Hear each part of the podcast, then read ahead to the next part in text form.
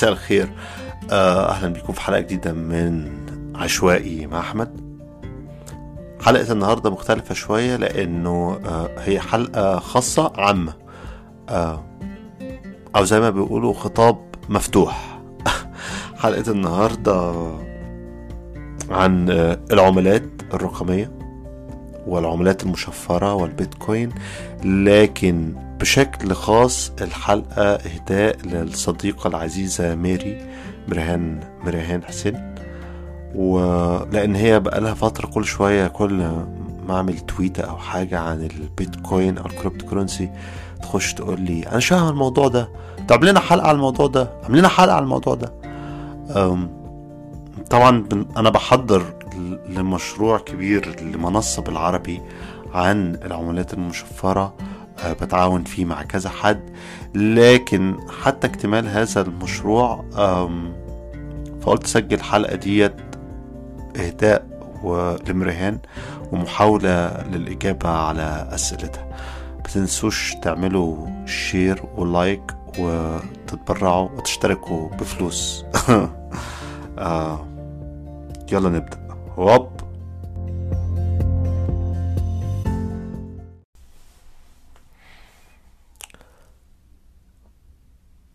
نجيب الكلام من الأول. طبعا يا ميري آه ست مثقفة و... وعلمية زي وبالتالي مؤمنة بنظرية النشوء والارتقاء. في مرحلة في تطور الإنسان الهومو سيبنز ابتدينا نبقى صيادين. يعني زي ما بنشوف الرسومات القديمة اللي بعضها بيعود إلى أربعين وخمسين ألف بنشوف عمليات الصيد والقنص اللي كان بيقوم بيها الإنسان الأول آه لاصطياد الحيوانات والغذاء على على لحومها.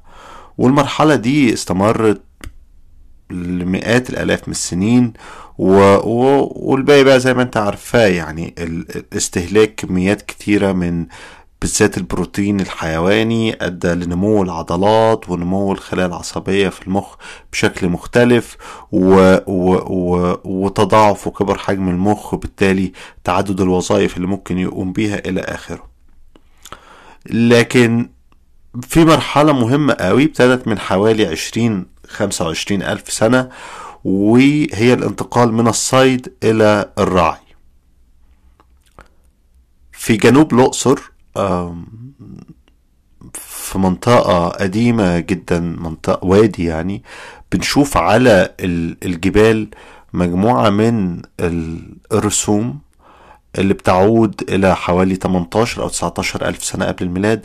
وفي الرسوم دي بنشوف تصوير لعمليات صيد بس كمان بنشوف تصوير لعمليات رعي لأول بداية عمليات رعي. بنشوف آه أشكال من البقر البقر الوحشي. يعني بنشوف بقر عنده قرون ونبات آه لكن ماشيين في قطعان وبيقودهم إنسان وبيستعين بأنواع من آه الكيوتي من من الضباع من النمس. يعني حيوانات كلبية بشكل ما. لرعاية القطعان اللي بتبتدي ينورها هنا في على الرسومات البدائية ديت بنشوف آه البداية الأولى الجذور الأولى للجاموس والبقر الوحشي. اللي عبر استئناسه آه لآلاف السنين وصلنا للجاموسة والبقرة اللي إحنا نعرفها حاليا. عصر الرأي الرعي كان كان قفزة كبيرة قوي إنك بدل ما أنت كإنسان مضطر تمشي ورا المطر تشوف المطر والمية فين وبالتالي هناك الحيوانات بتتجمع وهتصطادها. لا انت هتسيطر هتفرض سيطرتك على الحيوانات آه هت هتولد هذه الحيوانات هتتجوز من بعضها وتتولد بالتالي هتزود ثروتك. ولكن هتفضل تتنقل آه لمناطق المية والرعي وإلى آخره. طبعا بعد شوية هيتطور مهارات بعض الجامعات إنه إنه يعرفوا إنه لا أنا مش مضطر كمان يعني أستنى أدور على الزرع. أنا ممكن أقعد في مكان جنب المية بحيرة نهر إلى آخره وأستخدم المية ديت في عمليات الزراعة. كل ده بيحصل التطور في, في قدرة الإنسان على تطويع الطبيعة بتاعته على الغذاء بيحصل وجنبيه بيحصل حاجة تانية جنبيه بيحصل إنه بتبتدي تتكون جماعات بشرية. ال- القبائل القبيلة اللي كانت بتعيش لوحدها بقت بتعيش مع قبائل بتعيش في قرى الزراعة أجبرتهم إن هم يتعاونوا مع بعض. بقى في أشكال من ال- ال- الحكم والإدارات الصغيرة جدا. بعضها كان شكل مركزي آه، بمعنى إنه في ملك ورئيس واحد وبعضها كان بشكل غير مركزي آه تماما. لكن كل ده فرض الحاجة بين البشر دول للتبادل. طبعا أنت عارفة إنه أول نماذج التبادل التجاري ديت هي آه آه المبادلة. يعني أنت أنا معايا بيض آه أنت عندك معزة طب خد المعزة دي واداني البيض. أنا والله جبت فروة ثعلب وبستخدمها الدف بيها. طب خد أنت الفروة ديت واديني بالطين والتبادل ما بين ال- العملات ده هو أول شكل من أشكال التواصل الاقتصادي آه، بين البشر. آه، لكن التبادل السلع ده خلق مشكلة تانية بعد فترة انه انه إنه مش سهل يحصل. يعني لو أنا عايز آه، آه، أشتري آه، فروة علشان الشتاء داخل والدفى تمام؟ وأنا ما عنديش غير بقر مثلا بقرتين أو قطيع من البقر. ده معناه إن لازم أسوق قطيع البقر بتاعي إلى الشخص الآخر اللي عنده الفرو تمام؟ ويختار هو البقرة وياخد البقرة وبعدين أنا آخد الفرو. وبالتالي كان في مشكلة في نقل البضائع في تقدير قيمتها ضخمة جدا. وكان الحل البشرية توصلته هو اختيار المعادن النفيسة. يعني مش البشرية. تحديدا المنطقة اللي هي شمال أفريقيا آه، آه، آه، غرب آسيا يعني من أول إيران لحد الشام جنوب أوروبا. دي المناطق اللي شهدت ظهور استخدام المعادن النفيسة كوسيط تجاري. هنا بيحصل إيه؟ بيحصل حصل إنه البشرية اختارت الذهب. وتم اختيار الذهب مش عشان لونه أصفر أو بيلمع لكن لعدة أسباب. إنه اولا يبقى سهل التطويع يعني سهل إن إحنا نقطعه نجزأه نلحمه. إنه آه صعب الغش فهو له لون مميز جدا آه ذهبي بيلمع آه صعب إنك تغشه. آه والحاجة التانية سهولة حركته إن أنا إنه إنه أقدر أنقله من مكان لمكان بسهولة. وبالتالي عشان كده استقرينا على الذهب. الذهب هنا كوسيط تجاري. إنه بدل ما أنا دلوقتي أنا عايز أشتري منك حتة الفرو دي عشان الدفة أتغطى الدفة بيها في الشتاء فأنا مش مضطر أسوق أروح القطيع بتاعي اللي فيه خمسين بقرة وأمشي بيهم ست أيام علشان أوصل لك أوصل لمكان السوق وأديك. لأ أنا هنقول دلوقتي إنه معايا حتة الذهب دي وحتة الذهب ديت آه، آه، بديها لك مقابل القطعة دي مقابل قطعة الفر وأنت كمان بتستخدمها لو أنت احتجت تشتري بقرة مني. وفجأة ابتدينا دخلنا عصر إن بنستخدم فيه المعادن النفيسة الذهب النحاس الفضة آه، المجوهرات أي شيء نادر أو نفيس في المجتمع. ويتم استخدامه كوعاء لحاجتين كوعاء للتسليع وكوعاء للعمل. لأنه كمان في نقطة تانية مهمة جدا يا ميري بتحصل إنه الزارع ده أو المزارع بيقعد يشتغل في الأرض شهور ثلاث شهور ست شهور. وبالتالي أنا بقدر قيمة جهدي تعبي وشقاية ده بحتة قد الزلطة كده بتلمع اسمها دهب طبعا كان في في مناطق جغرافية تانية بدل الذهب والنحاس كان في بيتم استخدام حاجات تانية. في مناطق في جزر في استراليا مثلا لقوا ان كان بيتم استخدام القواقع. آه، آه، في بعض المناطق عند الهود الحمر بيتم استخدام ال- الريش. تمام؟ لكن في كل الأحوال في لحظة أنا شايفها مهمة جدا. هي اللحظة اللي بيتنقل فيها الخيال من الخيال من, من, من الذهن من العالم الخيالي لأرض الواقع. وهي اللحظة اللي بيقرر فيها البشر أو الإنسان إنه مجهوده وتعبه العمل لأنه العمل ده هو هو فعلا أساس هو فعلا أساس القيمة المضافة مش الفلوس ولا الذهب ولا ولا البقر. لكن إنه بيقرر إن أنا مجهودي وتعبي وشقاية طوال شهر ده يساوي حتة حتة ذهب وزنها 100 جرام مثلا. اللحظة دي هي لحظة مقدسة هي لحظة إيمانية تمام؟ إنك فجأة كإنسان مش إنسان كفرد إحنا كمجموع بنؤمن إنه التعب والشقة وكل شيء ممكن مساواة بصخرة بتلمع اسمها ذهب. وبالتالي فجأة اتطور النظام المقايضة والتبادل لنظام تسليعي تاني أصبح بالإمكان مع مرور الوقت تسليع أي حاجة. فيبقى مثلا لو أنت قتلت واحد أنت ممكن تدفع الدية تمام؟ اللي هي 3 جرام دهب مثلا. وبالتالي أصبح في حاجة تانية إنه لو أنت مديون هنا نشأ كمان فكرة إنه استخدام الذهب والمعادن ديت للتبادل ك ك كعملات يعني طبعا مش عملات هنا هي بس كقيمة وسيطة للتبادل التجاري. خلق مشكلة تانية إنه إنه انت فكرة الديون ظهرت فكرة الديون. إنه أنت خدت حتة ذهب من حد استخدمتها علشان تجيب أكل وشرب وبعد شوية ما قدرتش تدفع الدين ده. هنا كان بيجي الراجل صاحب الدين ويقول لك فين الذهب بتاعي؟ مفيش ذهب. طب أنا محتاج قيمة الذهب بتاعي. طيب إيه قيمة الد... عندك حاجة؟ أنا ما عنديش حاجة. لا عندي أرض ولا عندي أكل ولا عندي شرب. آه بس عندك جسدك. عندك قدرتك على العمل اللي إحنا قبل كده آه آه سعرناها بإنه ثلاث شهور من العمل أو ست شهور من العمل في الحقل لانتاج الشعير تساوي حوالي 100 جرام من الذهب. يبقى إذا وأنت مدد لي مثلا بألف جرام يبقى إذا أنت مش قادر تدفع الدين ده يبقى أنا من حقي أخدك. أنت تبقى عبد عندي. من حقي إن أنا أستفيد من قوة العمل بتاعتك ده لحد ما تسدد لي الدين. وهنا نشأت العبودية.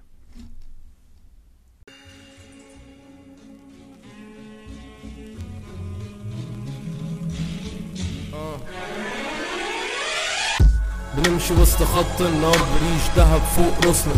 ونايب فيل فوق كتافنا يحمينا من شرورنا. نازلين ناكل عيش يابا. ملعون اللي يدوسنا. فاسحبني لو تحب يا سجان على الجلوتين.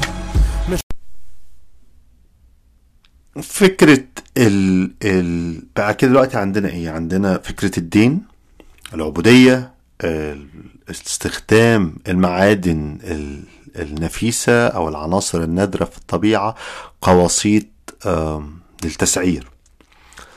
لكن كمان كان في ابتدى يحصل مشاكل كبيرة جدا إنه الذهب ممكن بعض المعادن دي ممكن تزورها يعني تبقى الحاجة من بره بتلمع زي الذهب لكن هي من جوه صخرة مثلا.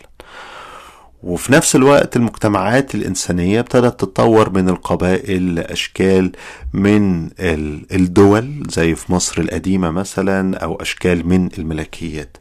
وهنا تدخلت السلطة السياسية ديت لتأكيد إنه الخيال أصبح واقع إنه القيمة المتخيلة لحتة الصخرة اللي بتلمع اللي اسمها الذهب دي هي الواقع وهي أساس العناصر وهي أساس الروابط اللي بتربط بين البشر في السياق ده.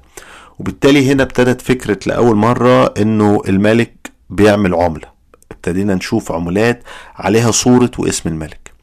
وجود صورة واسم الملك صك العملة أصبح دليل هنا على أنه الملك بيؤكد إنه العملة ديت بتساوي دينار بتساوي جنيه بتساوي ريال وعليها صورته وعليها الشعار بتاعه.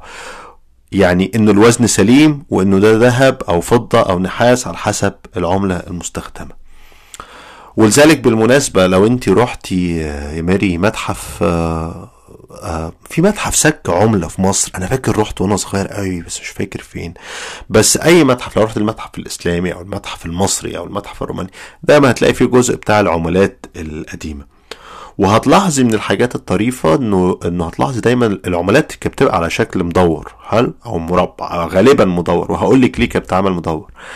آه هتلاحظ دايما يبقى في من اطرافها حتت متاكلة. الحتت متاكلة دي مش بسبب عوامل التعرية لكن لأنه زمان كانوا آه آه العملة معمولة من الذهب أو الفضة. فكان مثلا أنت جات لك دينار ذهب يقوموا قاصين حتة منه من الطرف وبعدين تقوم رايح مشتري بيه حاجة. تمام؟ فيتبقى عندك إيه؟ طراطيف أو حتت من الدنانير أو الريالات من الفضة أو الذهب. حلو؟ وبعدين طبعا ممكن تبيعها لوحدها ممكن تسيحها وتسبكها وتبيعها إلى آخره.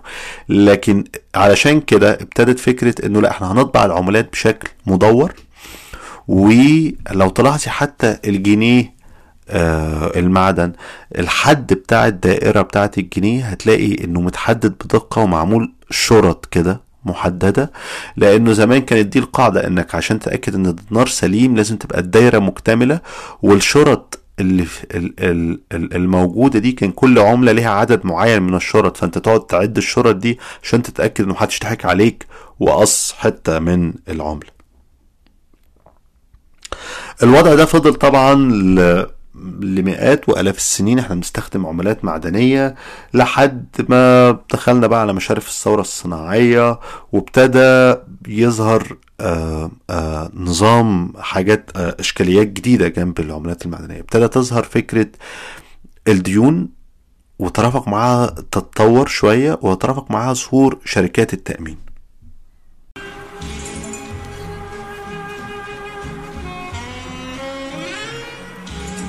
لكن لما يكون معادنا هتخليني هتخليني هتخليني أكون إنسان تاني. هتخليني هتخليني هتخليني.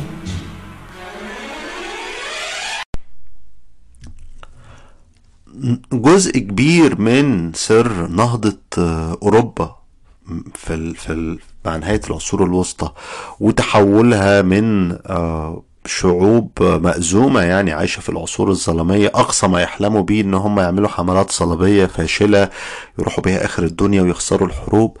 هو ظهور آه، فكرة الشركات فكرة التأمين عموما وفكرة عقود الديون. بمعنى إيه؟ بمعنى إنه أنت تاجر دلوقتي حطيت كل فلوسك في بضاعة البضاعة دي مثلا جاية من الصين أو الهند. وفلوسك دي كمان مش بس فلوسك ده انت استلفت من آخرين آه، علشان يعني تقدر تعيش أو عشان تمشي أمورك لحد ما البضاعة توصل وتبيعهم وترجع الفلوس.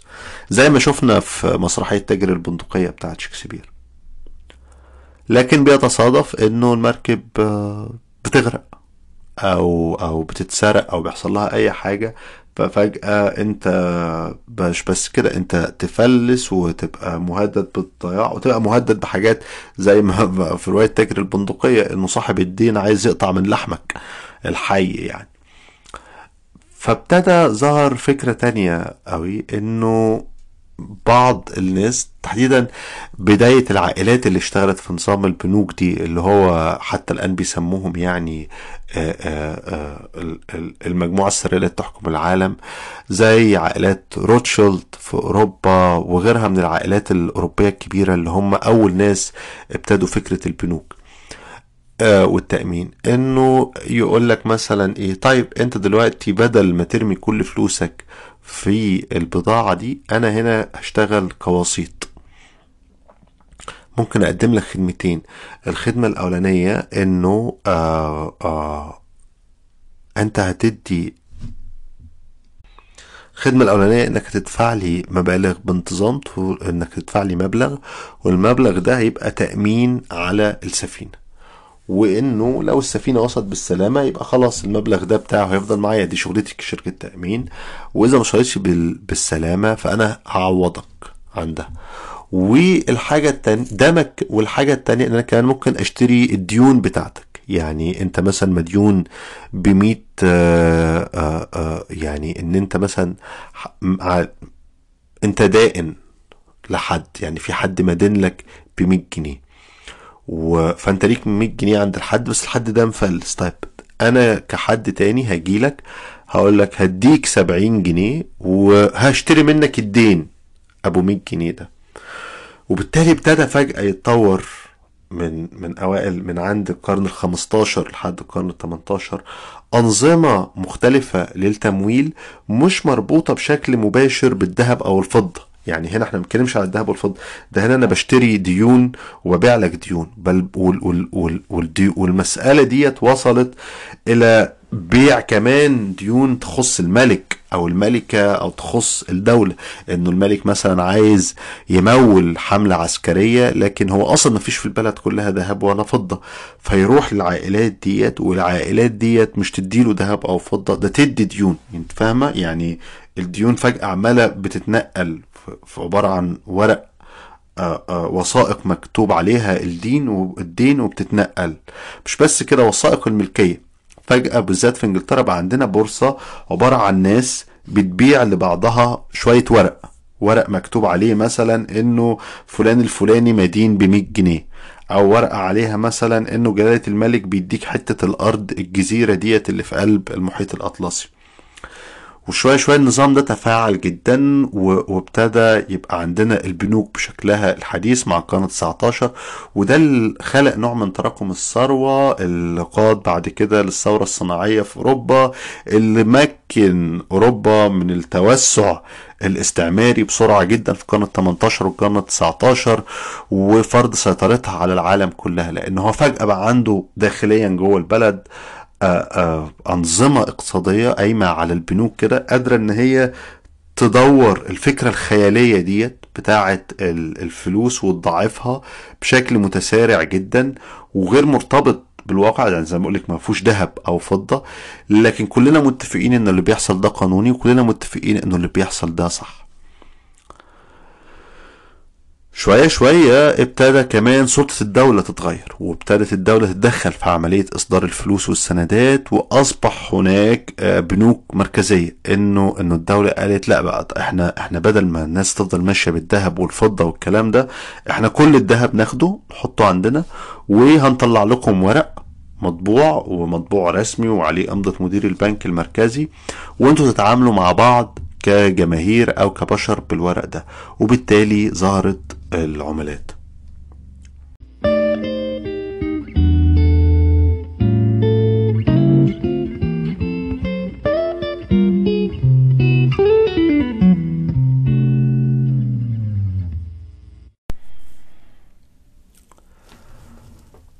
أنا طبعا مش عايز تخش أنا عارف ان طولت عليك وأنت عمال تقولي ما أنا عارفه كل ده أنا عايز أخش في الموضوع المهم عشان نخش في الموضوع المهم لازم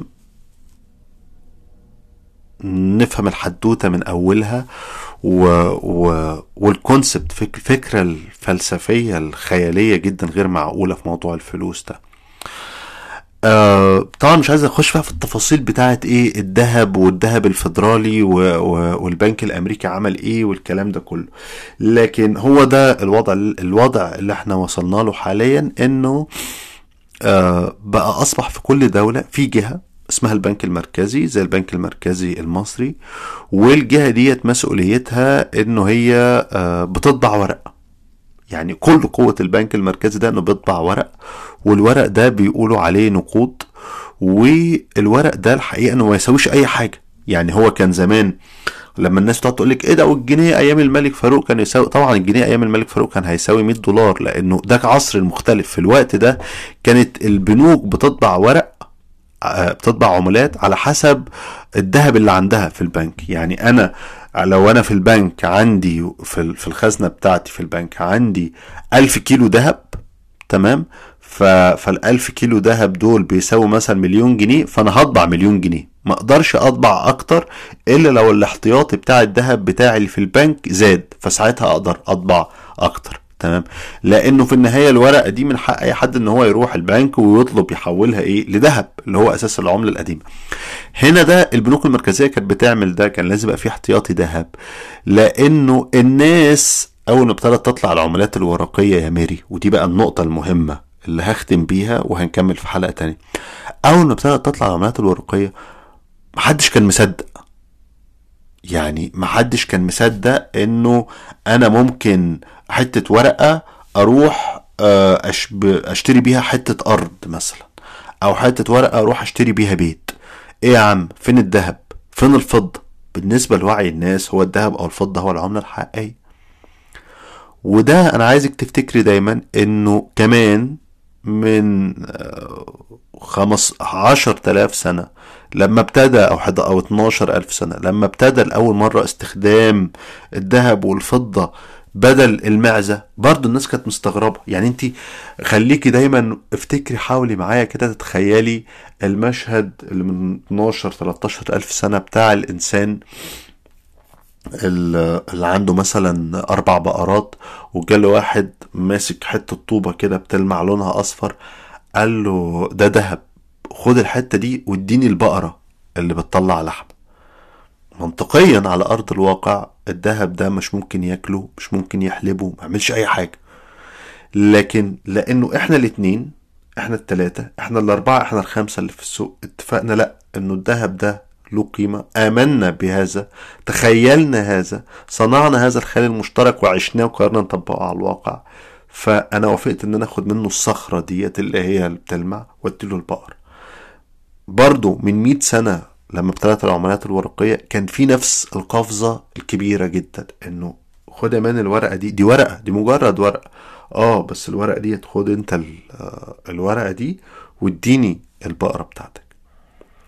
هو ده بالظبط اللي بيحصل حاليا وعلشان كده اللحظة الحالية مهمة جدا في العملات المشفرة والعملات الرقمية. وهي لحظة إحنا بنقفز فيها كبشر من ال ال العملات الورقية الورق للعملات المعدنية للعملات الإلكترونية. طبعا حتى العملات ال physi... ال- ال- ال physical اللي هي جسم طبيعي يعني زي الورق هتتغير. أنتوا عندكم في مصر كمان كام سنة؟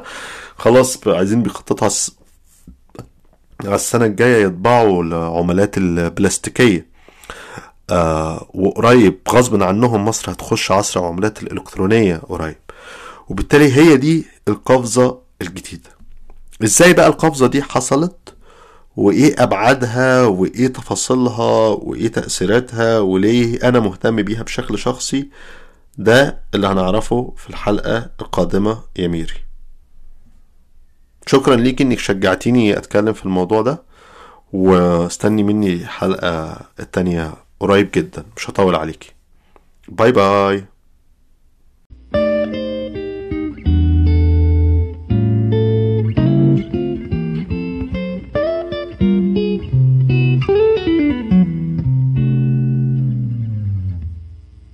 هتمدوا ايدكم على فلوسنا. على فلوسنا. مش هتمدوا ايدكم على فلوسنا. على فلوسنا. مش هتمدوا ايدكم على فلوسنا. على فلوسنا. بنمشي وسط خط النار بروس مرفوعة.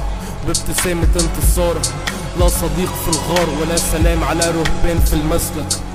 طالما الأرض واسعة كل الغرف نقدر نقضي فيها منسك. وحدثكم المهمة المعتادة خصينا بيها عيوننا أداتكم للعبادة. بجسد واحد أبيض وأسود قدر يعبر أكتر من ألوانكم البهتانة. والصباع ليك يا حبيبي يا شناء كفنا مهما يضيق أكيد هيكون أحن من الاداء فنحن قوم جلوس القرفساء باسطي الأيدي. بتوينت ورا التاني على الرصيف بضحكة صفرا تدمير زيت للأشلاء تقديسا في الأشياء. تسحبني لو مشتاق. رمز الاحتفال. مش هتمدوا إيدكم على فلوسنا. على فلوسنا. مش هتمدوا إيدكم على فلوسنا. على فلوسنا. مش هتمدوا إيدكم على فلوسنا. على فلوسنا.